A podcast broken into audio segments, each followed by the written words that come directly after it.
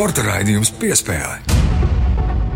Esiet sveicināti Latvijas radio pirmā kanāla sporta raidījuma piespēļu klausītāji. Mani sauc Mārtiņš Kļavinieks, un šis ir raidījums kurā kopā ar Māru Bergu runāsim principā tikai par vienu dienu šajā nedēļā. Tā bija tāda ļoti, ļoti zīmīga diena gan Latvijas sportā, gan, protams, arī visai Latvijas sabiedrībai, dažādām tās daļām. Un es domāju, ka, ja nu neatcerēsieties 25. augustu ar kādiem sporta notikumiem saistītu, tad noteikti atcerēsieties to kāda cita iemesla dēļ, proti, okupācijas pieminiekļu nojaukšanu Pārdaugavā, Rīgā. Vai nu tādajādi, vai šādajādi, tik un tā par šo dienu mums būtu jārunā, vai ne? Sveiks, Māri! Sveiks, Mārtiņ! Sveicināti klausītāji! Jā, runāsim par to, kas vispirms notika arēnā Rīgā un par to, kas arī notika vēl vēlāk vakarā Belfāstā, kur arī tu pats atradies uz vietas. Tūliņ, tūliņ pavērsim priekškaru. Un, protams, šajā raidījumā ne tikai tas, ciemos būs arī Latvijas basketbola izlases kapteinis Dairis Bartāns un, protams, ka arī ik svētdienas, kas ir pēdējā mēneša svētdiena, rubrika ciemos pie Gunārs Jākapsona. Arī Gunārs Jākapsons būs šajā raidījumā. Un sāksim ar nedēļas topu. Sporta raidījums piespēle studijā Mārtiņš Kļavinieks un Māris Bergs. Nu, un ķeramies klāt tai 25. augusta analīzei, kas tur īsti notika. Un viss sākās tepat Rīgā. Protams, kā jau mēs minējām, ar pieminiekli, un tad iespējams, ka daudzi tādās pacelātās sajūtās devās uz arēnu Rīga, kur savukārt Latvijas vīru basketbola izlase, nu, principā, laikam to tā var teikt, iespējami spēcīgākajā sastāvā, kāds vien vispār šobrīd tas var būt spēlēja pret Turciju, kas arī bija ļoti, ļoti spēcīgā sastāvā. Tas pasaules kausa kvalifikācijā. Turkiem tūlīt pat priekšā Eiropas čempionāts. Viņi arī aizvadīja pārbaudas spēles daudz un gatavojās šim turnīram. Skaidrs, ka arī spēles pasaules kausa kvalifikācijā viņi neuztver viegli prātīgi uz Rīgu atbrauc labā sastāvā. Mārtiņa, arī tu pirms spēles Belfāstā skatoties šo spēli, redzēja, kā Latvijas izlase, jāsaka, ka nomētā ar cepurēm turkus. Nu, diezgan burtiski. Metienu procents 60,3% no spēles. Fantastiski. Nu, Latvijas izlasē bija metienu diena, lidoja grozā pilnīgi viss. Un tas, ko es redzēju, tas bija absolūti brīnišķīgi. Un uh, arī palasīju sociālās uh, saziņas vietni Twitter atsauksmes par šo spēli. Jāsaka, tā. Nu, daži to pat devē par visu laiku Latvijas basketbola izlases labāko spēli. Es nezinu, Mārtiņ, tu droši vien vairāk redzēji, tu vari piekrist vai oponēt, vai tā varētu nu, būt zini, kā, labākā, ko tu esi redzējis. Vecuma ziņā es varbūt nevarētu pretendēt, arī savu vecumu dēļ, es nevarētu pretendēt uz to, ka es atceros Latvijas izlases spēles, piemēram, 90. gadu sākumā. Tāpēc es nesteigšos apgalvot, ka tā varētu būt visu laiku labākā Latvijas izlases spēle. Viena no, jā, droši vien, ņemot vērā, ka Turki ir spēcīgi. Tur ir trīs NBA spēlētāji, divi no Eirolandes labākajiem spēlētājiem, Eirolandes vadošais treneris. Tur ir ļoti augsta kalibra speciālisti un spēlētāji. Spēle bija laba, bet es tomēr gribētu teikt, ka tas 17. gads Eiropas čempionāts ceturtajā fināls pret Slovēņiem. Nu, fināls pirms fināla ļoti laba spēle. Es gribētu teikt, ka tā bija labāka spēle, jo beig beigās šī vēl ir kvalifikācija. Tā bija jau spēle cīņā par medaļām. Tāpēc šeit viss jau diezgan ātri tāpa skaidrs. Tur trešajā ceturdaļā jau nebija jautājumu, kurš uzvarēs. Bija jautājums tikai par to, kāda būs starpība. Tā spēle bija saspringtāka, kaut kādā mērā interesantāka. Bet šajā gadījumā, protams, mūsu demonstrēja neticamu sniegumu. Tāda enerģija, agresivitāte laukumā. Kristaps iznāk laukumā, pirmie pāris metieni porziņķim pa grozu, trāpa, ieliek danku, nobloķē pretinieku un tā piedāvā sulīgi. Snaiperi pievienojās Dārzs Bērtāns. Viss lidoja grozā. Nu, tur pat nav ko daudz stāstīt. Viss gāja grozā. Palaida groza virzienā, bumbuļs arī krīt iekšā. 111 pret 85 tāds bija rezultāts, un 20 no 35 tālmetieniem ieklausieties, tika realizēti šajā spēlē. Un tas, ko Dairis Bartāns mums iepriekš ir čukstējis ausī, un ne tikai viņš, arī citi basketbolisti, kā Rēns Groza, tik cieti, cik tik cieti tā bumba neiet grozā, nelido. Nu, šajā spēlē to pavisam nemaz nevarēja pateikt, ka tā būtu. Nu, jā, un beigu beigās Kristapam Porziņam 22 punkti. Seši bloķēti metieni, kas arī ir super iespaidīgi. Jā, un vēl vesela kaudze patraucētu metienu, kur viņam neieskaitīja bloku vai kur nebija bloks, bet kur viņš krietni patraucēja. Tagad komanda saspiedusies Rainēra lidmašīnītē, ir aizlidojusi uz Ņūkāslu, un eh, jau šodien tur jāspēlē pret Lielbritāniju, un eh, nu, tā jau būs pavisam cita cīņa, bet eh, labā ziņa tā, ka sastāvs Latvijai būs tieši tāds pats kā pret Turkiem, un nu, tas sola kaut ko ļoti, ļoti labu. Protams, galvenais jau ir svarīgi uz šo spēli arī sakoncentrēties. Domājams, ka ar to nebūs problēma. Atceroties, kā tas bija vasaras sākumā, uzvarēta Serbija svarīgā spēlē, pēc tam nākamā spēle pret Slovākiem, kurai it kā tādas ļoti lielas vērtības vairs nebija. Jā, tur cīņa par ranga punktiem un tā tālāk. Taču, nu, nekādas tādas milzīgas vērtības tam mačam nebija. Mūsai aizbrauca Slovākiju, kā Luka Banka arī izteicās. Aizbrauca maza halle, nav gaisa kondicioniera, karsts, nekādas nozīmes īsti spēlē. Mūsai iznāk laukumā, nospēlē labu maču, uzvar spēli. Nu, tas pats ir jāizdara Lielbritānijā, jo, ja tas netiek izdarīts, tad šai spēlē pret Turciju tā sportiskā vērtība ļoti strauji krīt. Un uh, otrais notikums uh, nedēļas topā, nu, teikšu tā, jā, es to klātienē pieredzēju, bet neko tādu tam līdzīgu Latvijas sportā, kādu Latvijas klubu vai komandas izpildījumā, es nekad iepriekš nebiju redzējis. Šobrīd uh, Belfāstas um, Windsor Park stadionā Belfāstā dzirdamas uh, sajūsmas um, gan no RFS līdzjutējiem, gan komandas pārstāvjiem vadības, protams, arī spēlētājiem laukumā, jo tik neticami, tik neticams sižets. Es to visu redzēju šeit klātienē un varu pastāstīt arī jums. Jā, spēle negāja no rokas RFS komandai, bet milzīga veiksme, milzīga veiksme. Principā papildu laika pašās pēdējās sekundēs izrauts neizšķirts viens pret viens. Un tad, protams, pēcspēles sitienu sērija, kurā šoreiz RFS bija pārāka par uh, Linfield komandu.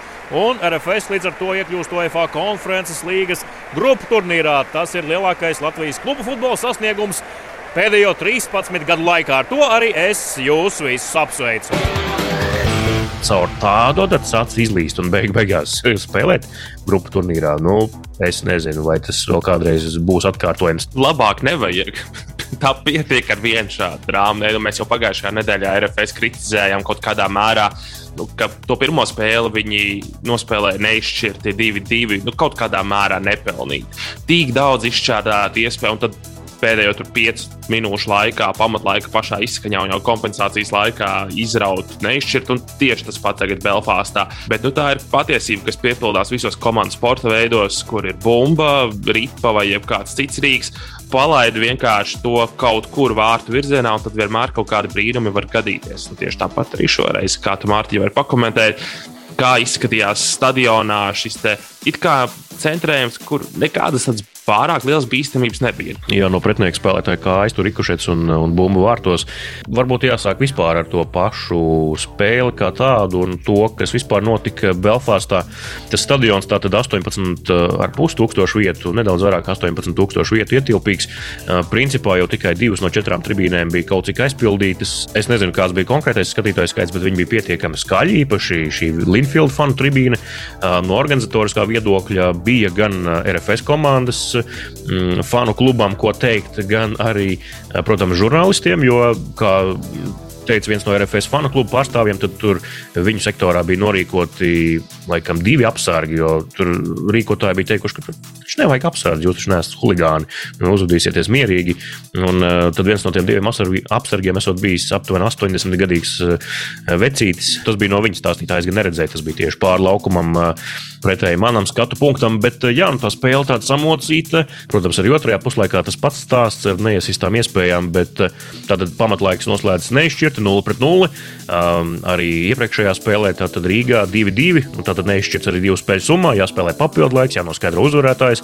Un papildu laiks arī tad uh, iet 0-0. Ziemeļīrija iesit 1-0 viņu labā, un tad 120. Eh, minūte mm, eh, kopumā spēlē, un tad papildu laika pēdējā minūte, un tad jā, tur kaut kā, kaut kā Elvis Stūglis atkal uh, eh, RFS jokers. jokers tāpēc tuvumā, mēs viņu jā. saucām sporta ziņās par jokeru. Ja Elvis ir tur, tad jau labas lietas notiek, un viņš gan pats izteicās, viņam bija ļoti tāds interesants salīdzinājums, ka viņš tur tuvumā bija, bet viņš nu, pirms tam spēles laikā bija vispār trīs reizes pār laukumam pārskrējis un nebija tā pārāk iesaistījies, tāpēc tāds stīvs bija, un viņš to nosauca par skriešana pa laukumu ar maisiņiem uh, rokās un džinsām kājās. Un viņš teica, nu es tur it kā biju, tajā pat laikā nebiju un neko jau neizdarīju. Vienkārši bumba rikušetā atcitās pret pretinieka kāju un ielidoja vārtos. Un tā tas arī Tāds arī bija. Mēs ar kolēģi Matīs Timofejevu no Latvijas televīzijas tādā brīdī apjukām, ka tie vārti tika gūti.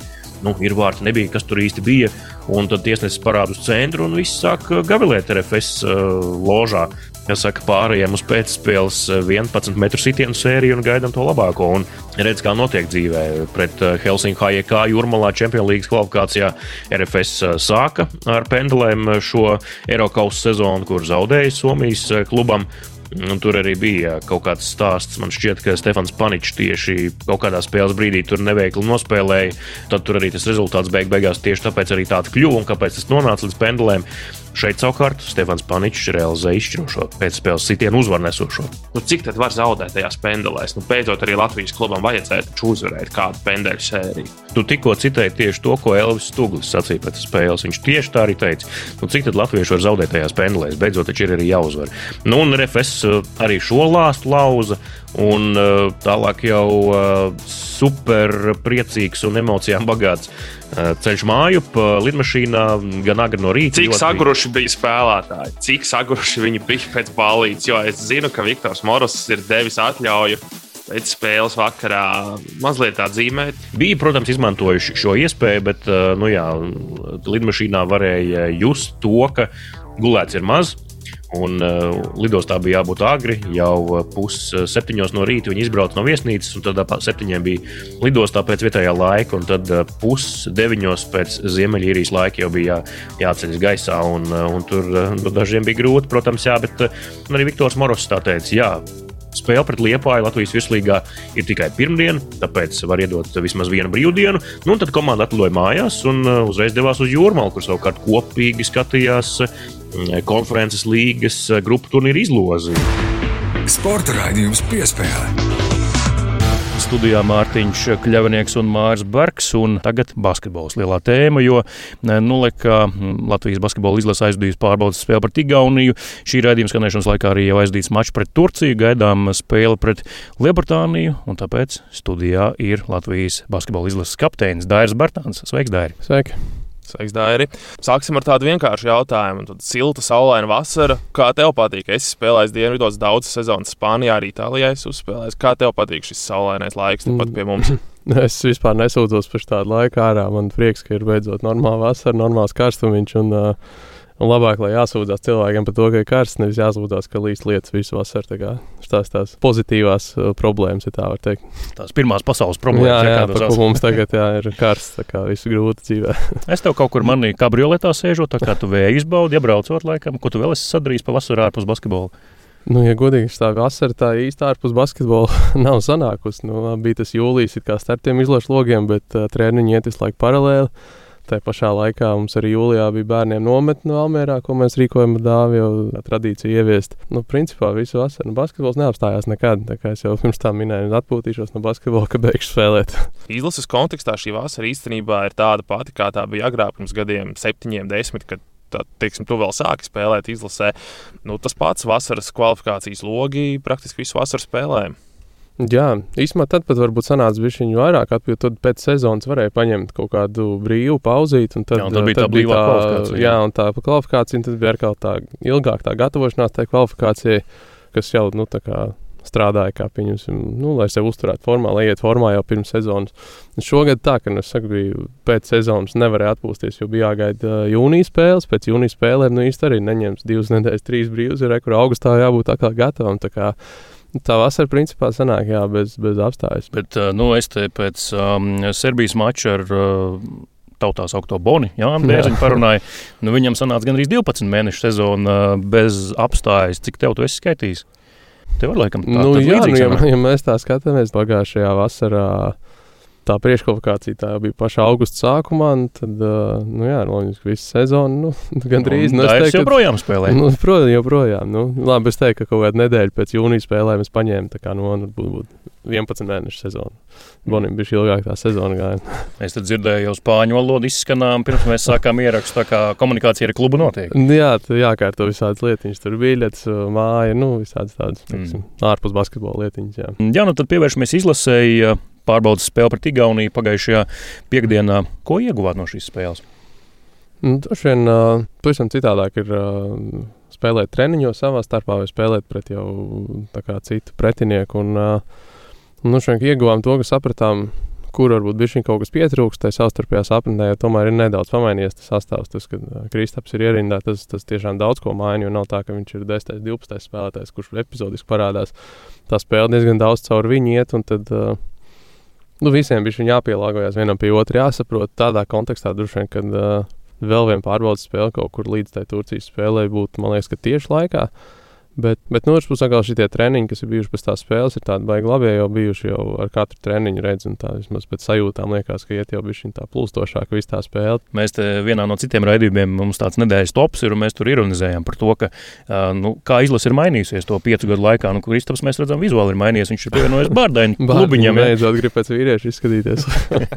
Jūs viņu pieņemat, jā? Nu, protams, protams, tas labi. Jā, nu, Mārtiņš man izsita no domas, jā, ko es, bija mērķis. Ko es gribēju jautāt jautāt. Jā, bet Kristaps tajā spēlē pret Igauniju iznāca ļoti agresīvs. Praktiski pirmie trīs metieni viņa tev kā vienam no spēlētājiem, kurš mēdz vadīt saspēli, nu, tā, kā, kā tev ir tagad uh, atrast tos garos, garos spēlētājus meklēt, kā sadalīt to bumbu viņiem? Nu, principā, nu, nā, nu, ir vēl vieglāk, tāpēc, ka nu, Kristavam iedod bumbu, nav problēma. Vienkārši met viņu tur gaisā, viņš viņu dabūs. Ja. Bet, uh, bet nu, tas, ka viņš iznāca tik agresīvs, tas ir uh, normāli. Nu, viņam tā jāspēlē, viņš, viņam tā savas priekšrocības ir jāizmanto. Un, un, un pēc tādiem igauņiem, kas nu, tur ne tuvu nebija neviens tik garš, viņš to ļoti labi arī izmantoja. Viņi, ja mēs tā skatāmies, tad nu, tā tīra bez piezīmēm īsti netiek ar viņu galā. Domāju, tā ir tā lieta, kas mums jāizmanto, un, un, un to mēs izmantojam. Un jo vairāk, jo lielāka uzmanība būs uz Kristapu, jo pārējie būs brīvāk un pārējiem būs vieglāk. Luka Banki jaunais izlases treneris nu jau gadu pastrādājis amatā, esat uh, ar viņu apraduši. Kristapam tas ir kaut kas jauns, bet par procesu te mēs arī pirms sarunas ar Māru spriedām. Latvijas volejbola izlasē tikko bija pieredze ar ārzemju treneru Mihāls Gogols, tāds rietumniecisks polis, kurš arī šo atvērto filozofiju, runāšanu, pievēršanu uzmanību niansēm ievada iekšā komandā. Bobs Hārtlīs, protams, izslavētais Latvijas hokeja izlasē, Kā dara Luka Banki? Vai viņš arī jums treniņos strādā pie tādām nu, basketbola pamatlietām, atgādina par niansēm, ka tās ir jāizpild precīzi, vai tomēr viņš pievērš vairāk uzmanības taktikai? Laikam gan, gan viņš paspēja, gan, protams, viens ir taktika, tas kādu basketbolu viņš grib spēlēt, arī, protams, attiecīgs no tā, kas ir pretiniekos, kādas pozīcijas, kur ir stiprāk, kur nē, tad viss tiek kaut kāds tas sadarbības pielāgots tam, kur mēs varam atrast pretinieku vājās vietas. Bet jā, arī tajā pašā laikā tās nianses, tie pamati, tās ir tās lietas, kā tu varētu normāli brīvs uzmest. Tev vajag labi piespēlēt, to nevar viņi atnākt kājās, tā kamēr tu viņu noķer, jau tu jau pazaudēsi to iespēju. Kā, kas varbūt liekas sīkums, bet no tiem sīkumiem viss vispār sākās. Nu, ja tas viss tiek izpildīts kvalitatīvi, tad, uh, tad arī tā spēle būs kvalitatīva. Jā, nu, lūk, arī tāds ļoti emocionāls treneris ir. Mēs varbūt kā ziemeļnieki tādi, tādi ieturētāki esam. Stils ir tāds piemērots mums, ka kā, sakurina tās emocijas pašiem spēlētājiem, ka kaut kāds sliktāks posms pāris metieniem nav iekrituši pretiniekam izrāviens. Nu, lūk, kārtīgi jums sadod iekšā. Nu, sadod, un tas normāli, manuprāt, tā jābūt. Es domāju, ka nevienam nav problēma ar to, tāpēc, ka uh, visi ir spēlējuši ārzemēs, uh, visiem ir bijuši. Spēlēm operātoriem. Jā, es gribēju teikt, un, un, un tā kā sērbu izcelsmes treneri, mm. tad, uh, tad, protams, pēc, tā, pēc tādiem treneriem, nu, nekas vairs nevar pārsteigt vai izsist, uh, izsist no rīta kurš tev ir bijis trakākais treneris, ko tu tagad atceries uzreiz. Nu, pie tā negribētu otrreiz. Jā, bet man. Nu, Kaut gan ar kurtināju, tur bija laba sadarbība. bija laba sadarbība, bet raks viņš bija cevišķi tajā VF laikā, kad, kad es vēl biju pavisam jauns. Himkos jau bija mierīgāks. Himkos jau bija mierīgāks, mm. jā, bet, bet VF laikos, jā, nu tas droši vien, bija tāds. Tā pirmssezona un tā nometne, tie tās pirmās spēles, tas bija. Jā, Tas bija, nu, tas bija tas, kas man norūdīja. Pēc tam es um, īsti vairs uh, nekas man nevarēja pārsteigt. Par uh, izlases ceļu. Uh, nu, tu sāki pēc baigās vasaras, tā saucamās 2010. gads, ar kvalifikāciju Lietuvas čempionātam. Uh, tur kvalificējāties tāpēc, ka paplašināja dalībnieku sarakstu, nu, tās pirmās spēles un tie pirmie soļi, kas bija tai, nu, nosacīti jaunajai paudzei izlasē. Tu esi nogājis šo 12 gadu ceļu. Kā tu to līdzinējo ceļu vērtē, kāds tev tas ir bijis izlasē? Jo tagad tu esi kapteinis, tad tu biji jauniņais, Jā. kuram arī bija jāvelk aiz sevis, protams, jo citu veco jau nebija īsti, bet tagad tu esi kapteinis. Un viens no pieredzējušajiem veterāniem. Šobrīd, šobrīd jā, tas, tas laiks tā ir mainījies. Mēs jau Jānis Strēlnieks nesen runājām, ka mēs jau principā ienācām gan kā jaunākie. Tajā desmitajā gadā, un, un tagad mēs esam, neskaitām, kas par bērziņu, tad mēs esam pārliecinoši vecākie. Uh, pieredzējušākie. Pieredzējušākie, nu jā. Kā, kā ir izlase, mainīsies. Teiksim tā, nu līdz tam 17 gadam es teiktu, ka tiešām bija tā, ka katru no gada uz gadu gāja augšupējoši. Tiešām augšupējoši. Katru gadu bija labāki rezultāti gan, gan tajās kvalifikācijās, gan čempionātos. Visu laiku tiešām gājām uz augšu. Un pēc tam uh, Es zinu, tas viss droši vien kad, uh, sakrita, un droši vien kā objektīvi, kad tā FIBS un Eirolandes strīdā. Tagad būs tie logi sezonas laikā, labākie džeki netiek. Tad es, nu jā, nu, droši vien, ka ne, ne, neliels tāds kritums, nu, ja mēs reāli netikām ne uz pasaules kausa, ne uz Eiropas čempionātu nākamo. Tad, uh, tad jā, nu, es pat neteiktu, uz vietas ir palicis. Tas bija tāds kritums. Nu, tagad, tagad ar Lukas ierašanos mēs atkal nu, sākām no pašas lejas un jau teikt, tādā nu, īsā nu, gada nogrieznies skatās. Tad, mēs esam diezgan gājuši uz augšu, un, un, un tāpēc vēl tāds, nu, vēl tikpat gandrīz jāpaiet, lai mēs beidzot tiekam līdz tam pasaules kausam. Nu, jā, jau tā spēle pret Bulgāriju, nu, tur pēc tam tas kritikas vilnis vēlās milzīgs. Latvijas basketbols pagrabā, viss ir slikti un šausmīgi, un tagad ir pagājis mazliet vairāk kā gads. Tagad mēs spriedalējam, nu, kurā, uz kuru valsti jāskatās biļetes uz pasaules kausu bez mazliet. jā, tas, nē, nu, tās domas mainās cilvēkiem, un, un tas, kā vispār viņi to redz. Bet, uh, gan tas tāda interesanta situācija. Nu, ja mēs būtu vinējuši to Bulgāriju un tikuši uz Eiropas čempionātu, es domāju, ka tādas pārmaiņas izlasē nebūtu notikušas tieši varbūt treneru sastāvā un vispār kā tādā, tādā kā redzējumā, kā jāstrādā. Varbūt turpinātu tādā pašā garā. Nu, es puses saku, nu, protams, ka stulbi netikām. Tagad arī nu, es, visas komandas, visas izlases, gandrīz viss, ko es zinu, gatavojās Eiropas čempionātam, izņemot mūsu. Jā. Pat Igaunijā. Pat, jā.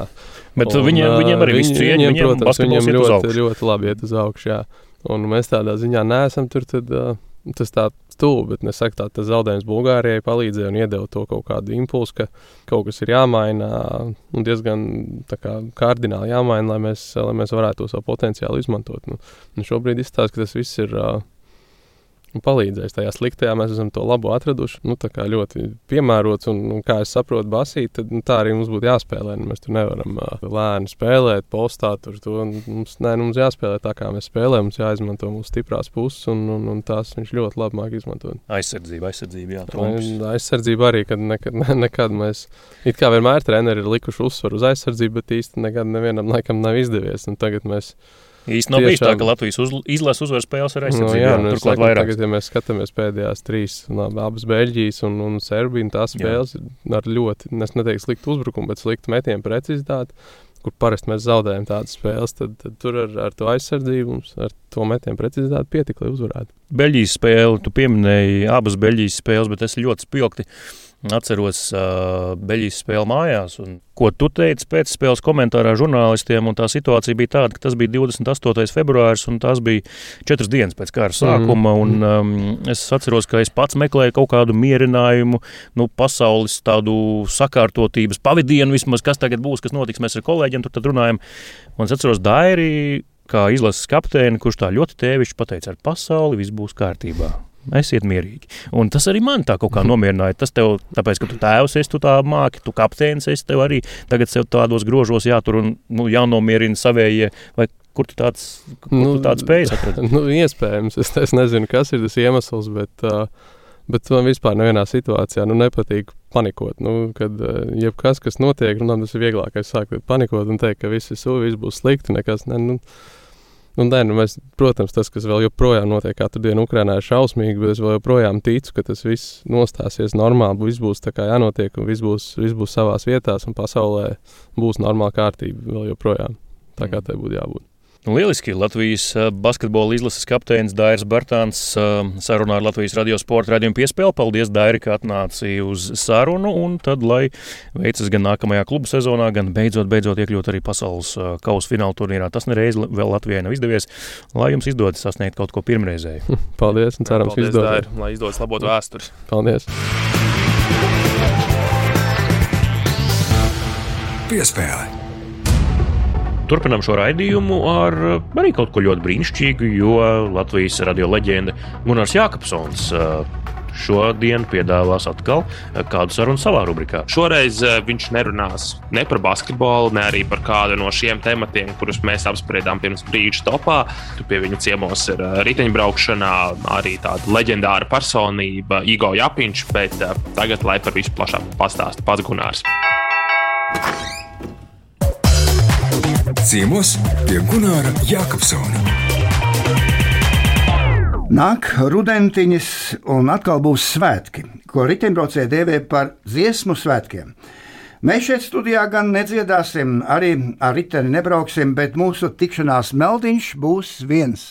Proti, 32. vienības brauciens.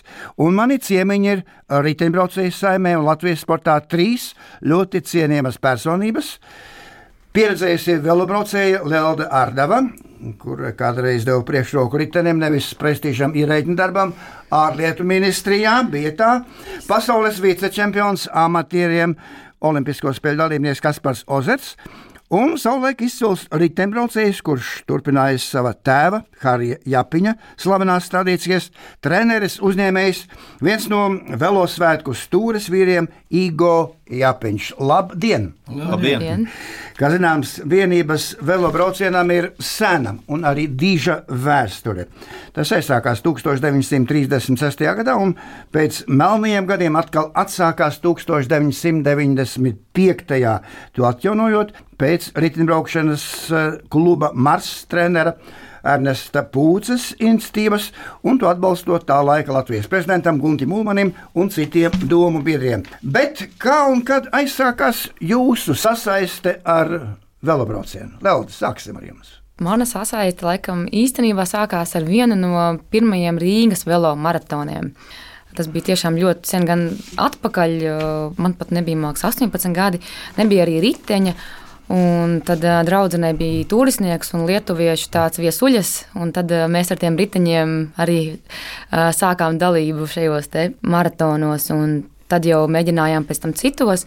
Tad, kad arī tā vairāk pievērsos, tad nu, vienības brauciens vienmēr ir tāds, nu, tā kā, tāds ļoti skaists sezonas noslēgums. Tas ir rudens, tā jau ir um, tāda rīta rasa un slapjas pļavas. Un, pilnīgi jau savādākas sajūtas. Abrīnojama sportiskā pieredze, sākot ar nodarbībām, labi atceraties Rīgas pirmās gimnāzijas zālītē, tā, jā. Jā, līdz pat šim laikam. Nu, mēļo, ka pat jūs ar savu vīru Edu esat iepazinušies velobraucienā. Jā, tā ir. Jā, nu, skolas laikā sporta iespējas bija ļoti limitētas, un, diemžēl, Rīgas valsts pirmā gimnāzija joprojām ir bez normālas sporta zāles. Un, manuprāt, tas ir Nezinu, kāpēc. Vispār neatrisināts jautājums. Uh, jo nu, sports tomēr ir ļoti liels pamats uh, veselīgai dzīvei, uzskatu. Bet, uh, nu jā, ritenis un velo un visa tā pasaule ir, nu, var teikt, jā, būtiska mana dzīves daļa un, var teikt, ikdiena. Jā, nu tā tad tētis un mamma riteņbraucēji, bet uh, Eh, abas atvasītas, Luīza un Margarita, vai ģimenes tradīcijas tiks turpinātas? Tāda liela spiediena nav, jo nu, sievietēm velosports ir diezgan grūts mākslas atzīt. Mēs pamēģināsim jaunākajam bērnam BMX, un mēs jau esam bijuši dažiem treniņiem. Treneris pirmajā treniņā pateica, jā, ka nu, tas ir redzams, ka viņi brauks. Jautājums tikai kur un ko. Igo, vienības braucienas tās ir sacensības ikvienam, neatkarīgi no vecuma un sportiskās pieredzes. Kāda ir tā tendence šie ģimeņu spieti velobraucienā gadiem ejot kļūst kuplāki vai gluži otrādi sarūk, jo raugi latviešiem pēdējos gados nevedas ar to demografiju? Nu, šis moments ir uh, diskutējams. Un, Par to demografiju uh, nu, ir, uh, kā, kā mēs zinām, šis pasākums ir diezgan liels un daudz cilvēku iesaistīti. Bet uh, atcerēsimies, ka mums divus gadus uh, milzīgs kādu nodarīja šis Covid. Nekad mēs nezinājām pēdējos gados, vai vispār tas brauciens būs, vai cik tur varēs piedalīties. Tur vajadzēja, vajadzēja limitēt dalībnieku skaitu, un vēl pa, pa starpam uh, remontēja Pleskaus šosei pie Sēnītas un, un Siguldas kalnu. Tā kā nu, esam izgājuši diezgan, diezgan grūtam periodam. Nu, vēl, vēl šomēnes remontēs Vidzemes šosei no, tad, no Sēnītas līdz Siguldai. Tad mēs šogad brauksim, brauksim caur alažiem, bet nu, tad, tad nu, nākošais gads būs pilnīgi viss saremontēts, ja nu nesāks remontēt no, no otra gala. Jā, nu, jūs, Lielde, dažādās sacensībās esat startējusi un bijusi. Kāda loma tomēr jūsu karjerā ir bijusi? Nu, Kaut vai tam faktam jūs stāstījāt gada skrējumu, tā, ka 24 gadu vecumā Rietumu bankas komandā jūs uzaicinājāt pats seb velobrauciena patrons Igo Japiņš. Jā, jā, bija tāda loma. Igo man sabraucamā tautas klasē, un tad Igo teica, vai es negribu pamēģināt. Un tad ļoti interesanti tāda izšķiršanās, vai nu iet pa karjeras kāpnēm, vai pamēģināt sportu. Un tad ļoti grūti tādā vecumā jau ir pārtraukt to karjeru. Bet es domāju, nē, ka tas ir tagad vai nekad. Jo nu, mūžam jauns un spēcīgs nebūsi. Un tad ir jāmēģina. Un noteikti es nekādā gadījumā to izvēli nenožēloju, jo tas ir, nu, tā kā prasāt piekrist, tā ir vienkārši tāda daļa no dzīves, kad braukt ar to riteni. Un, un, un tā ir tāda brīvības sajūta. To nevar tā varbūt izstāstīt, bet nu, tā ir milzīga brīvības sajūta. Jā, brauc un jāpamēģina cilvēkiem, tie, kas klausās. Tāds uh, Japāņiem ir tāds flongs. Ar kājām ir pa lēnu, ar auto par ātru, riteni mm. tieši laikā. Es to pašu saku, jā, ceļš turismā ar kājām var ātri nogurt, mašīna pātru, bet riteni ir tik fantastiski, ka tevi tagad Rāžas laiks, Latvijas lauki. Nu, neviens Spānija, neviena Francija nestāv līdzi. Tiešām tur daudz ko redzēt. Var. Jā, nu, bet ja, par tām spilgtajām epizodēm varbūt arī abi kungi kaut ko var atcerēties. Kas par tevi var būt kaut kas tāds, tā dodziņa palikusi prātā un tev arī. Protams, ka patīk tās dienas, kad piedalās Olimpiskās spēlēs, pasaules čempionātos, pasaules mērogā, tādos lielos notikumos. Tas vienmēr paliek atmiņās. Teiksim, pirmais Tour de France, teiksim, Tour de France atklāšana, mm. vēl kaut kas. Jā, nu, tas tiešām es piebiedros Kasparam, kad uh, tie momenti būtu vairāk tādi. Tik daudz ir pieredzēts, cik daudz ir izbaudīts. Kad, protams, ka tie, tie lielākie, nu, piemēram, šeit sēž Kaspars. Ja? Mēs šausmīgi priecājāmies, eh, kad eh, pēc Olimpiskām spēlēm Barcelonā Kaspars nākošā gadā pasaules čempionātā izcīnīja sudraba medaļu. Bet no otras puses, eh, man bija skaidrs, ka tur viņam bija jāuzvar. Pareizi, Kaspar. Tur no vienas puses šausmīgi priecīgs, izskatās to sudraba medaļu. Bet no otras puses, tad, mēs taču bijām tur divi. Mums taču vajadzēja. Nē, nu, es tā domāju, izceltais no, to, ka, tāds, teiksim, jā, kad no. ir, uh, ir pēdējie apļi un ir divi latvieši starp pieciem uh, vadošajiem sportistiem. Es domāju, ka tas vien jau ir tāds tā notikums. Ja? Jā, bet nu, sportā. Un arī tas, kad atkārtojās panākumi, kad ir dainis, kad ir katru gadu kaut kas notika. Jā, jā. Tas tāds, vai arī, kad Romanis vinēja pēc tam pasaules čempionātu. Jā. Vai, vai Olimpiskās spēlēs mums Strunbergs ir eh, divas mm reizes Olimpiskais čempions. Kas par tu biji otrais? Eh, nu, pirmais bija vācu sportists. Jā, Jānis Lūris. Jā. Mm. Tev tālu bija līdz uzvarēt toreiz? Riteņbraukšanā ir tā, ka uh, svarīgi ir uzvarēt, un otrā, trešā vieta jau vairs nav svarīga. Un zaudēji milimetru, tu esi zaudētājs. Igo, riteņbraukšanā es kā, nu, es gribētu teikt, cilvēks orķestris. Tad, kura no savām daudzajām lomām tev pašam ir vistuvākā. To jau dažos vārdos aizsāk, bet nu, tomēr. Tā runā godīgi, tad uh, vislabāk man droši vien padevās un patika būt par treneri. Un tur bija arī tāds, nu, tāds arī aktīvs dzīves periods. Nu, es varēju tur, kā teikt, sev droši vien diezgan labi realizēt. Nu, es tādu sekoju tev tēvu un arī taviem sportiskajiem sasniegumiem, uzskatu, ka viens no taviem augstākajiem plauktiem, uz kura tu esi bijis, tomēr ir Barcelona, kur tu biji Latvijas Olimpiskās izlases treneris un kur, kā zināms, Dainis Ozols sensacionāli izcīnīja bronzas medaļu grupas braucienā. Nu, sensacionāli tas varbūt no žurnālistiskā skatiena, man tas nebija galīgi sensacionāli. Tu gaidīji kaut ko vairāk? Vēl?